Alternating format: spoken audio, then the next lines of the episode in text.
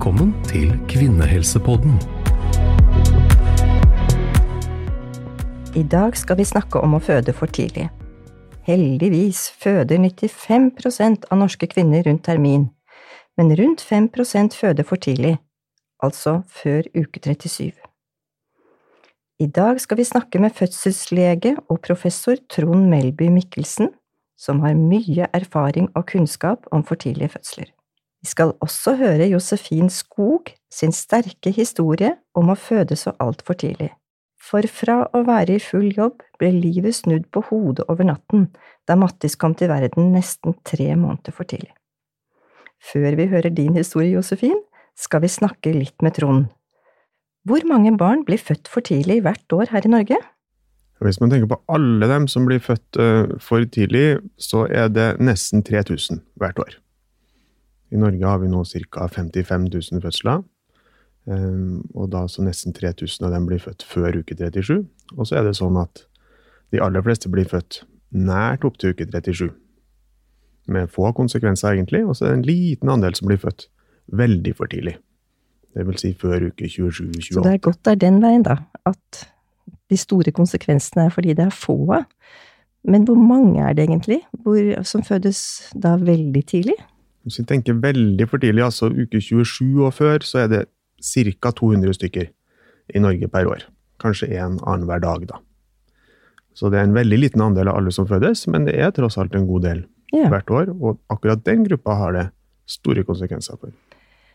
Så hvordan går det med barn som blir født for tidlig? Kan du si noe om det? Dette er jo et stort felt, men uh, vi begynte jo med at det, at det, går best med de som blir født sent. Det er jo ganske logisk. Ja, for de som blir født sent, kanskje uke 34 til 37, så har det få eller ingen konsekvenser. Um, for den lille andelen vi snakka om, som blir født ekstremt for tidlig, så er det en god del sykelighet som følger med. Um, hvis du blir født Vi tenker jo at et lite barn da som blir født, har sjanse til å overleve fra uke 23 omtrent. Og da overlever kanskje halvparten, og så stiger den sjansen for å overleve bratt opp til 27 uker, hvor 90% eller flere overlever. Så er det en del av dem som overlever, som, som får noen sykdommer som følge av det. Det kan være lungeproblemer, det kan være cerebral parese, det kan være øyeskader, eller det kan være hørselsproblemer. Noen har lærevansker. Så en del av dem drar med seg problemer etter ekstremt for tidlig fødsel. Da. Og heldigvis er det da det, i de gruppene som det er få av. Men det er jo da veldig alvorlig, det som kan skje. Så er det heldigvis sånn at nyfødtmedisin har utvikla seg de siste årene, sånn at ikke bare flere overlever, men det ser ut som også sykeligheten går ned, da, også blant de som fødes veldig for tidlig. Det er godt å vite. Det er jo en veldig god barneavdeling eh, man kommer til når man har et barn som er født for tidlig. Det skal vi høre mer om. Men for tidlig fødsel, hvordan kan en gravid som kanskje har litt kynnere, hvordan kan hun vite at det er fødsel på gang? Det kan ikke være så lett. Nei, det kan være vanskelig, og særlig hvis man ikke har født barn før, så vet man ikke helt hva det er man kjenner etter. Hvordan kjennes det ut å ha ria, for eksempel? Og kynnere, som du sier, altså at livmora trekker seg sammen, muskulaturen i livmora trekker seg sammen, det tenker vi jo på som et normalfenomen i svangerskap, egentlig. Noen har mye av det, noen har lite av det. Men det kjennes som en sånn stramming i magen, Man får det ved aktivitet, og så gir det seg hvis man legger seg ned og slapper av. Det som er forskjellen mot ria, er gjerne at det, de kommer regelmessig, uavhengig av hva man gjør.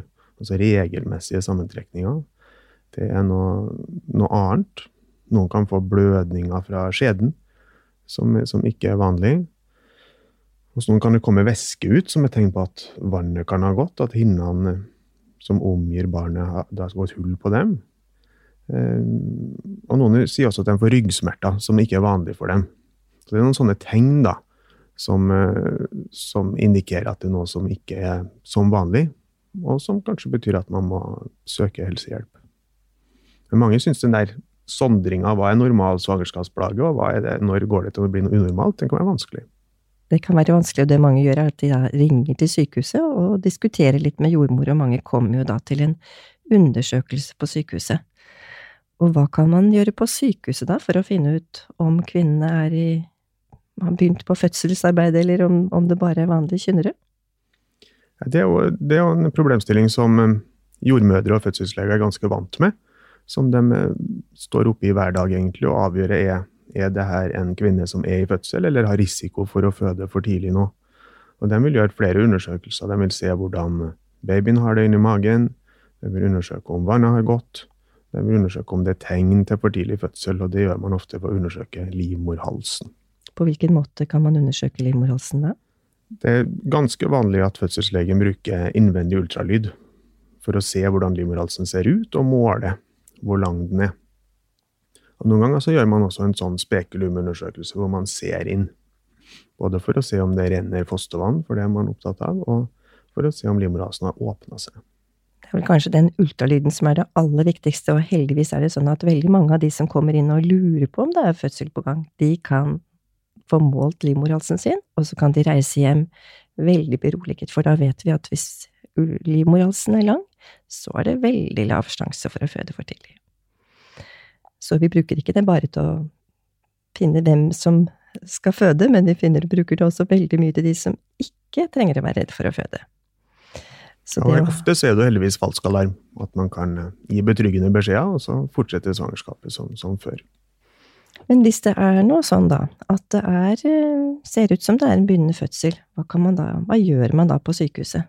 Hvis vi tenker at nå gjør vi funn som eh, tyder på at denne kvinnen kommer til å føde barnet sitt snart, så, så gjør vi en del tiltak. Og hvis det da er tidlig, før 34 uker i svangerskapet, så er noe av det viktigste å gi det vi kaller lungemodningssprøyter som er et kortisonpreparat. Og det interessante med det, at det gir vi til mor.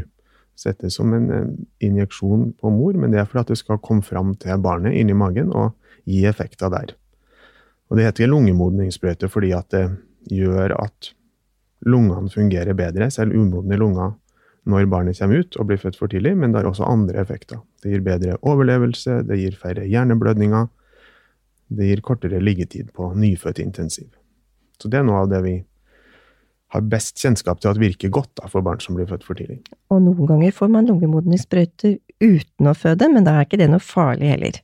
Men vi gir det heller litt til litt flere enn de som virkelig føder, for å være helt på den sikre siden, for det er så veldig viktig behandling.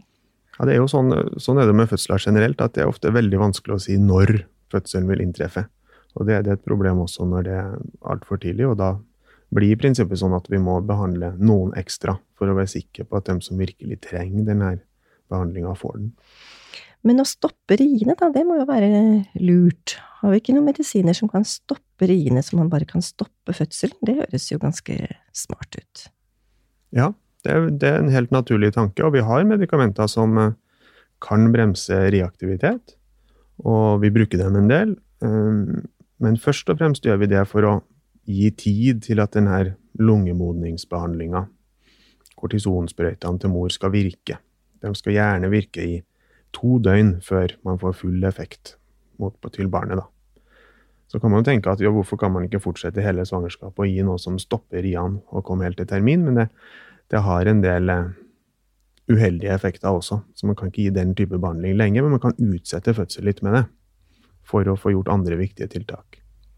Og så er det også noen fødsler som ikke lar seg stoppe. Sånn at eh, noen ganger så må vi bare få noen timer, for det virker som eh, når kroppen først har bestemt seg for å føde, så er det et ganske eh, Et prosjekt som går sin gang, som vi ikke kan gjøre så veldig mye med. Men noen timer er god hjelp, faktisk. Ja, ja det er helt sant. Det er noen ganger så er prosessen så godt i gang, og det er en hel kaskade av reaksjoner i kroppen som gir kraftig reaktivitet, og da, da klarer vi ikke å stoppe det.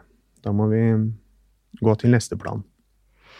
Men så er det også noen som har fått et stoff som heter magnesium. Kan du si noe om eh, det? Hvorfor man får det?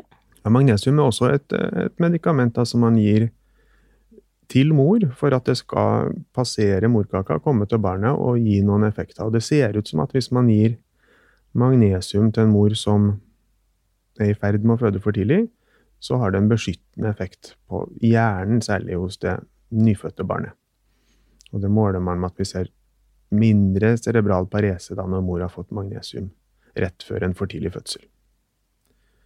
Det må gis i de timene før mor føder, sånn at det er en sånn Å time det kan være litt krevende, men eh, vi gir den behandlinga hos dem som føder for tidlig.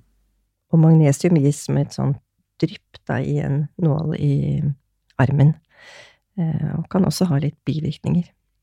Kan bli litt varm i hodet og litt rar, men det har god virkning for barnet videre. Så nå har vi snakket litt om hvordan det er å komme inn på fødeavdelingen hva, hva, kommer det av at noen kvinner eh, føder for tidlig? Er det, er det, sånn at alle egentlig må gå rundt og være litt redd for det? Er det sånn at det er noen som er spesielt utsatt for å føde for tidlig? Ja, det et, det er et veldig godt spørsmål, og det forskes det mye på. Hvorfor starter fødselen for tidlig? Um, det er flere årsaker. Noen ganger finner vi ikke ut hva som var grunnen. Noen ganger er det en infeksjon, altså at um, det er bakterier eller virus som gjør at uh, riarbeidet starter. Noen ganger kan det være blødninger knytta til morkaka. Og noen ganger kan det være fordi at vannet går for tidlig. Um, så det der prøver vi å Det er en del av undersøkelsen vi gjør på sykehuset, å prøve å finne ut hvorfor skjer det her nå. Uh, og er det noe vi kan gjøre for å stoppe prosessen. Og så er det noen grupper som har litt økt fare for å føde for tidlig, f.eks. tvillinger. Kan du si noe om det? Ja, det, det, ser ut som at hvis, hvis livmoren er stor da, og veldig tøyd, sånn som hvis det er flere enn ett barn inni der, eller hvis man har mye fostervann eller andre ting, så øker sjansen for å føde for tidlig. Så det er vanskeligere å, å holde på svangerskapet til termin. Da. Og så er det jo også den gruppa som har født for tidlig før, har litt større sjanse for å føde for tidlig en gang til. Så dem eh, følger vi opp litt spesielt. Det skal vi snakke litt mer om etterpå. Og så er det jo også noen ganger at det er faktisk vi som leger som bestemmer at det blir en for tidlig fødsel. Det er også helt sant. Noen ganger er det komplikasjoner i svangerskapet, sånn at man tenker at der er det bedre at barnet blir født for tidlig, enn at det fortsetter å være inni magen. Og det kan være hvis barnet vokser for dårlig, eller hvis mor har svangerskapsforgiftning eller andre komplikasjoner i svangerskapet som blir såpass alvorlige at risikoen med å bli født er mindre enn risikoen med å fortsette svangerskapet. Og da blir det ofte keisersnitt. Men eh, er det farlig å føde vaginalt når man har et veldig lite barn? Er det lurt å gjøre keisersnitt hvis barnet er eh, tenker seg at når de er veldig små, så er de kanskje mer sårbare. Mange kunne tenke seg at det var lurt å gjøre keisersnitt på de veldig små. Ja, det, det, er, naturlig, det er, naturlig, å tenke sånn, tror jeg, men det, det er ikke sånn. Det viser seg at eh, Alt tyder på at det er en fordel å bli født på vanlig måte, også for tidlig, når det ligger til rette for det. Og keisersnitt når det er veldig for tidlig fødsel, er et mer komplisert inngrep enn keisersnitt ved termin. Så det er også en fordel for mor hvis hun kan føde på vanlig måte. Det er veldig godt å vite. Så er det sånn at eh, vi snakket så vidt om at eh, hvis man har født for tidlig én gang, så er det litt større fare for å føde for tidlig neste svangerskap. Og da begynner man jo å lure er det noe jeg selv kan gjøre for å ikke føde for tidlig. Um, hva vil du si om det? Er det lurt å legge seg på sofaen? Er det lurt å være sykemeldt? Er det lurt å være veldig i ro? Nei, vi tror ikke det. Vi tror at det er Man kan ikke hindre en for tidlig fødsel med å ligge i ro, ligge på sofaen. Og det å ligge på sofaen har en, mange andre uheldige helsekonsekvenser. Så vi tror at det er bra for gravide å være i normal aktivitet. Og det er jo mange som kommer etter en for tidlig fødsel og spør har, gjorde jeg noe galt, eller om jeg må gjøre annerledes neste gang. Og som regel er det ikke det. Det, handler om andre ting som man ikke har kontroll på. Men det er noen tiltak som man kan gjøre for kvinner som har født for tidlig før, for å redusere risikoen for en ny for tidlig fødsel. Da. Og det viser seg det at etter en for tidlig fødsel, så kan de fleste gå et normallengde svangerskap etterpå. Kan du si noe om fins det noen medisiner man kan bruke hvis man har født for tidlig en gang før?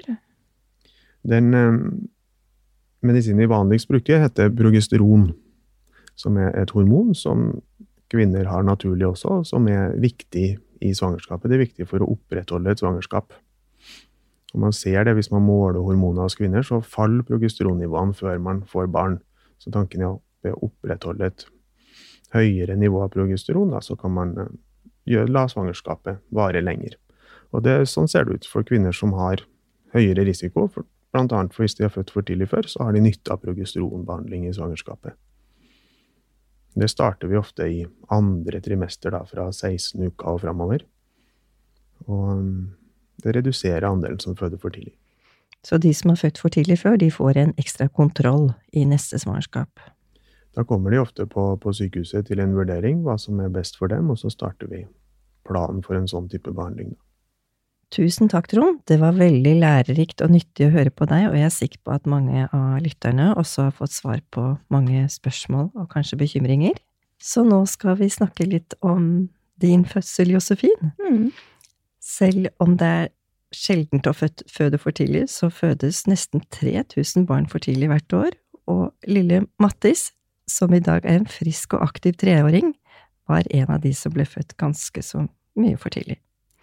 Kan du fortelle litt hvordan du og mannen din opplevde å bli foreldre så lenge før dere ventet?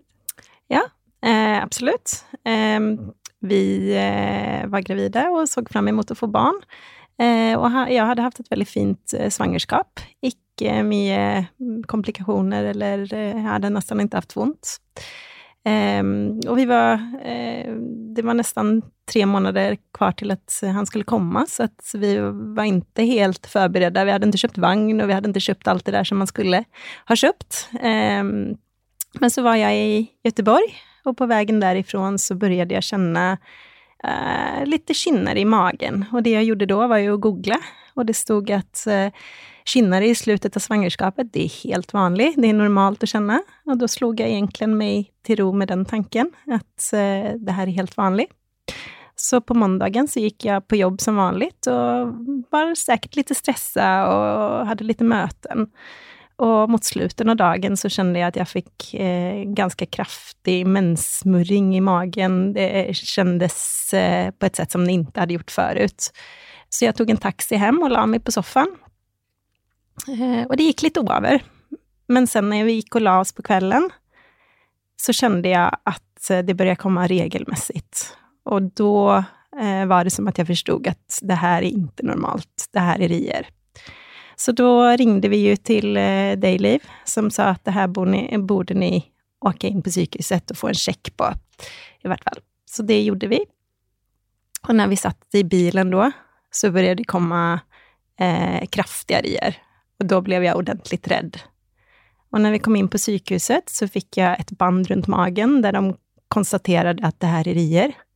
Og det var egentlig litt fint å se at ikke det var ikke sånn det skulle kjennes, utan det her var noe som var fel, på en måte.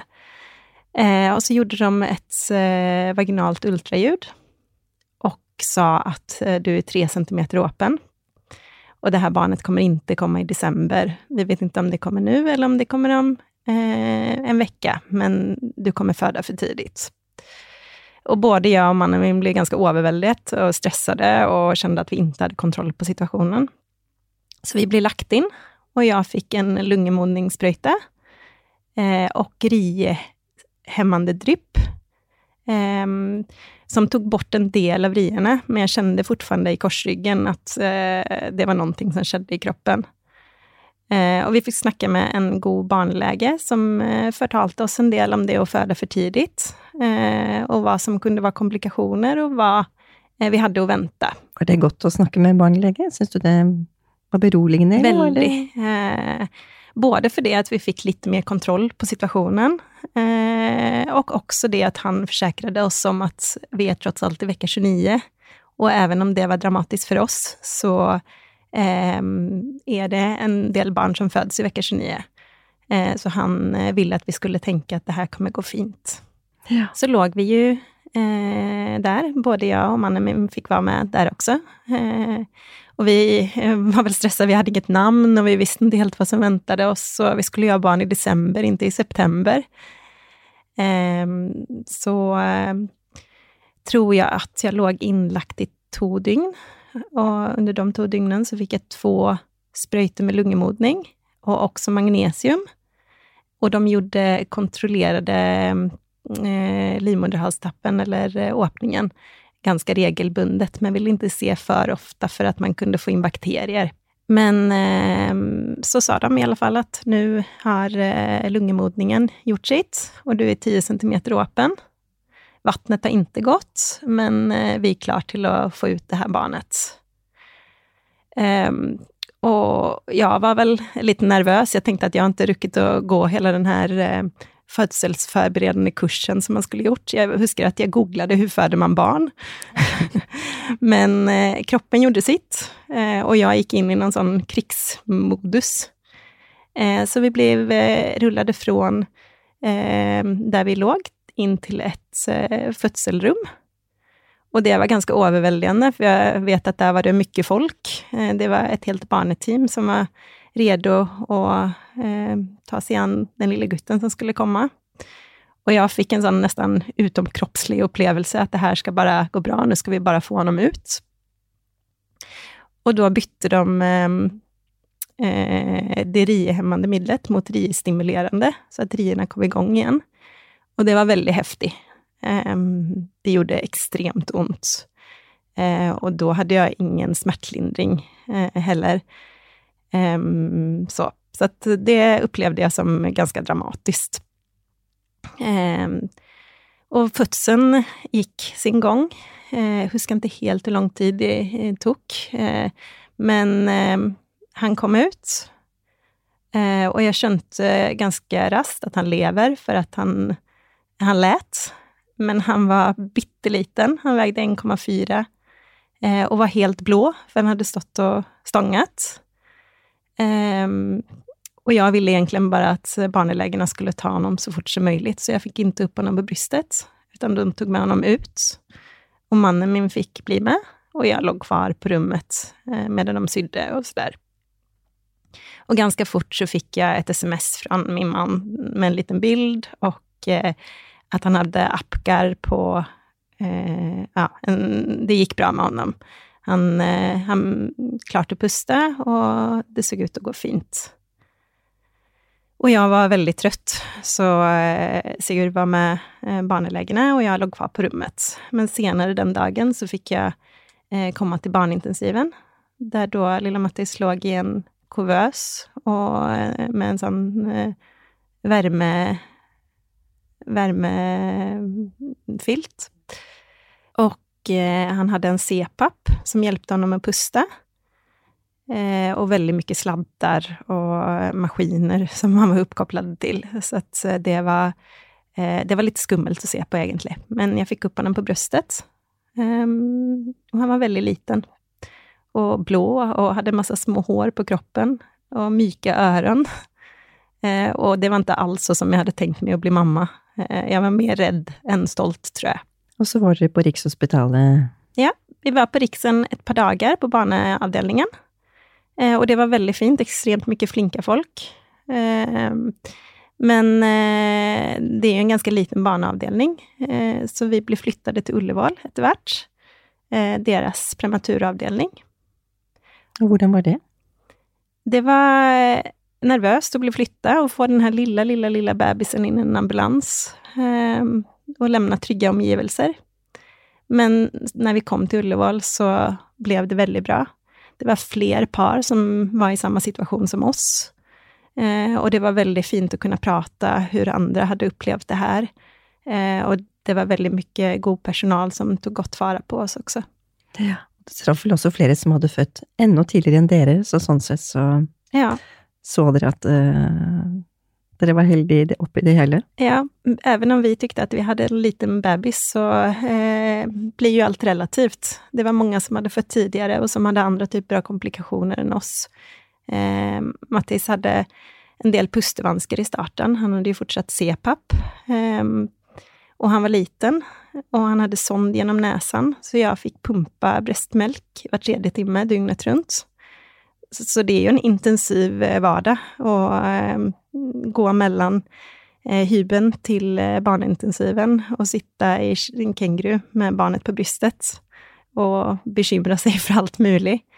Men det blir en boble, og det er veldig godt at man har folk som passer på en også. Så hvor lenge var du innlagt? Var dere innlagt på Ullevål? Det var både, det var både du og Sigurd og Mattis som var ja. der? Mannen Ja, og Sigurd bodde på, først på Barselhotellet og sen i en hybel i nærheten av barnintensiven. Eh, og Mattis låg inne på barnintensiven. Og så turades vi om og var hos honom og var på hybelen. Så det blir jo som en fulltidsjobb. Eh, både var sykemeldte og var der 100 procent, i hvert fall de første ukene. Og totalt sett så var vi inlagda i eh, åtte uker, tror jag.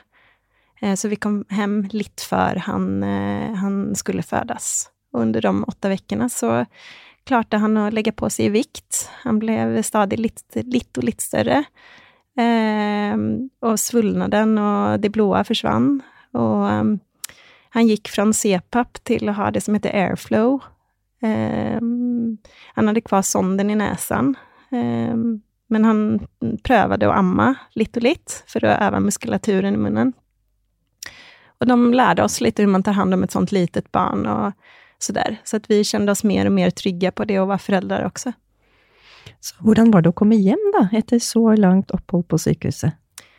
Det var eh, en blandad følelse. Eh, på en sida så var det veldig deilig, det å komme hjem til seg selv og få lov å ta en bra dusch med sine produkter og sove i sin egen säng. Eh, och på den andra sidan så var det egentligen väldigt skummelt. Helt plötsligt så var vi själva och skulle ta hand om det här pyttelilla barnet. Så det var, det var blandade følelser, helt enkelt. Ja. Mattis eh, er blitt en frisk gutt. Kan du si noe om hvordan det går med han i dag? Ja, eh, ønsker at jeg hadde hade visst hvor bra det gikk når jeg låg innlagt på sjukhuset. För det var väldigt mycket som sagt som vi bekymrade oss för. Han hade en lätt hjärneblödning och han, hade, han var ju bytteliten och han kunde inte pusta själv och de första dagarna som vi kom hem så eh, fick vi ringa ambulansen en gång, för han slutade att pusta. Eh, och vi blev lagt in på nytt. Så det var väldigt mycket som jag eh, trodde skulle gå galt. Men det har gått kämpebra. Han er en frisk og aktiv treåring. Eh, man ser ikke at han er prematur i det hele tatt. Eh, han har ikke vært sen med verken det motoriske eller språket. Eh, det har gått veldig bra. han har hatt litt problem med astma og en del kruppanfall og litt tungpusten. Um, og det vet man jo ikke om det er for at han er prematur eller om det beror på annat. Men det, det syns både jag och Sigurd har varit lite eh, jobbigt i tider, för att jag tror att båda tänker tillbaka till den tiden när han var väldigt liten. Men eh, det har gått bra också. Det har vi fått god hjelp for. Dette er jo på mange måter en solskinnshistorie, fordi det har gått så fint. Men så skulle du ha et barn til. Mm. For Mattis har fått en lillebror som heter Isak. Hvordan opplevde du å være gravid igjen etter den første historien din? Ja, eh, det å bli gravid igjen Eh, Første gangen så var jeg jo litt naiv. Vi hadde ikke i vår villeste fantasi at vårt barn skulle komme tre månader for tidlig. Eh, utan vi tenkte nok bare at eh, ja, men man er gravid ni månader og sen så kommer det. Så att eh, andra gången vi ble gravide, så, så eh, var jeg nok litt rädd og bekymrad. Och jag funderade väldigt mycket på vad jag kunde göra själv för att inte det här skulle hända igen. Ehm, jag tog det väldigt lugnt och låg mycket på soffan, även om eh, det inte var anbefallt, för att jag ville känna att jag själv hade full kontroll på situationen och om det här skulle ske igen, så ville jag inte tänka på att jag hade varit stressad eller någonting annat. Ehm, men det gikk fint. Vi ble gravide, og jeg fikk veldig god oppfølging på Rikshospitalet. Ehm, de mätte livmoderhalstappen. ganske ganska hyppig eh, och följde med godt på graviditeten. Så jeg kjente meg ändå veldig trygg. Vi har jo snakket om at det er litt større fare for å føde for tidlig eh, när man har gjort det en gang. Så fikk du noen medisiner? Ja, Jeg fikk fick det som heter progesteron Eh, det opplevde jag egentligen som väldigt eh, enkelt. Det är en tablett som man tar varje kväll. Og och jag fick inte så mycket biverkningar. Men det gav den tryggheten om att det här kommer gå bra och jag får medicin för att det ska bli ett längre svangerskap den här gången. Så det, det gick fint. Den här gången så blev det, var jag gravid fram till vecka 38. Och en betydligt mer rolig upplevelse. Vi hade bara en jordmor inne i rummet och Isak eh, kom när han skulle och det var väldigt mycket mer... Eh, det var väldigt lugn, mycket lugnare situation. Ja, og det kom blomster sånn som det skulle. Det gjorde jo ikke Ja. første gangen. Det var en, en helt annen situasjon. Josefin, du sa at det var så mange mennesker når du skulle føde, og Mm. at det opplevdes dramatisk. Kan du si litt om det, Trond? Eh, Hvem var det som var der? Hvorfor var de der? Ja, det blir ganske mange mennesker når man føder for tidlig i uke 29, sånn som Josefin. Da Da har vi på fødestua fødselsleger til stede, gjerne flere jordmødre, barnepleiere. Og så er det også til stede et team med eh, nyfødtleger, spesialister på nyfødtmedisin, og nyfødtsykepleiere, sånn at de kan ta seg av det, det lille nyfødte barnet og passe på at det puster, at luftveiene er åpne, at hjertet slår som det skal at eh, det får det oksygenet det skal. Og til sammen så er det ganske mange mennesker. Så det som ser dramatisk og litt skummelt ut, det var altså en veldig betryggelse. For det var veldig mye kompetanse som sto der klar til å ta imot Mm. Nå har jo du sagt mye om det vi egentlig snakket om før. Trond, har du noen kommentarer til denne inne i historien til Josefin? Ja, jeg syns det var en veldig, veldig sterk og, og gripende historie, og den viser jo tydelig hvordan er det for kvinne å føde for tidlig. Eh, og så syns jeg jo det, det ser ut som at eh, systemet har fungert godt eh, for Josefin. At hun kom seg til sykehus på riktig tid, og at fødselshjelpen og hjelpen fra nyfødtlegene fungerte bra.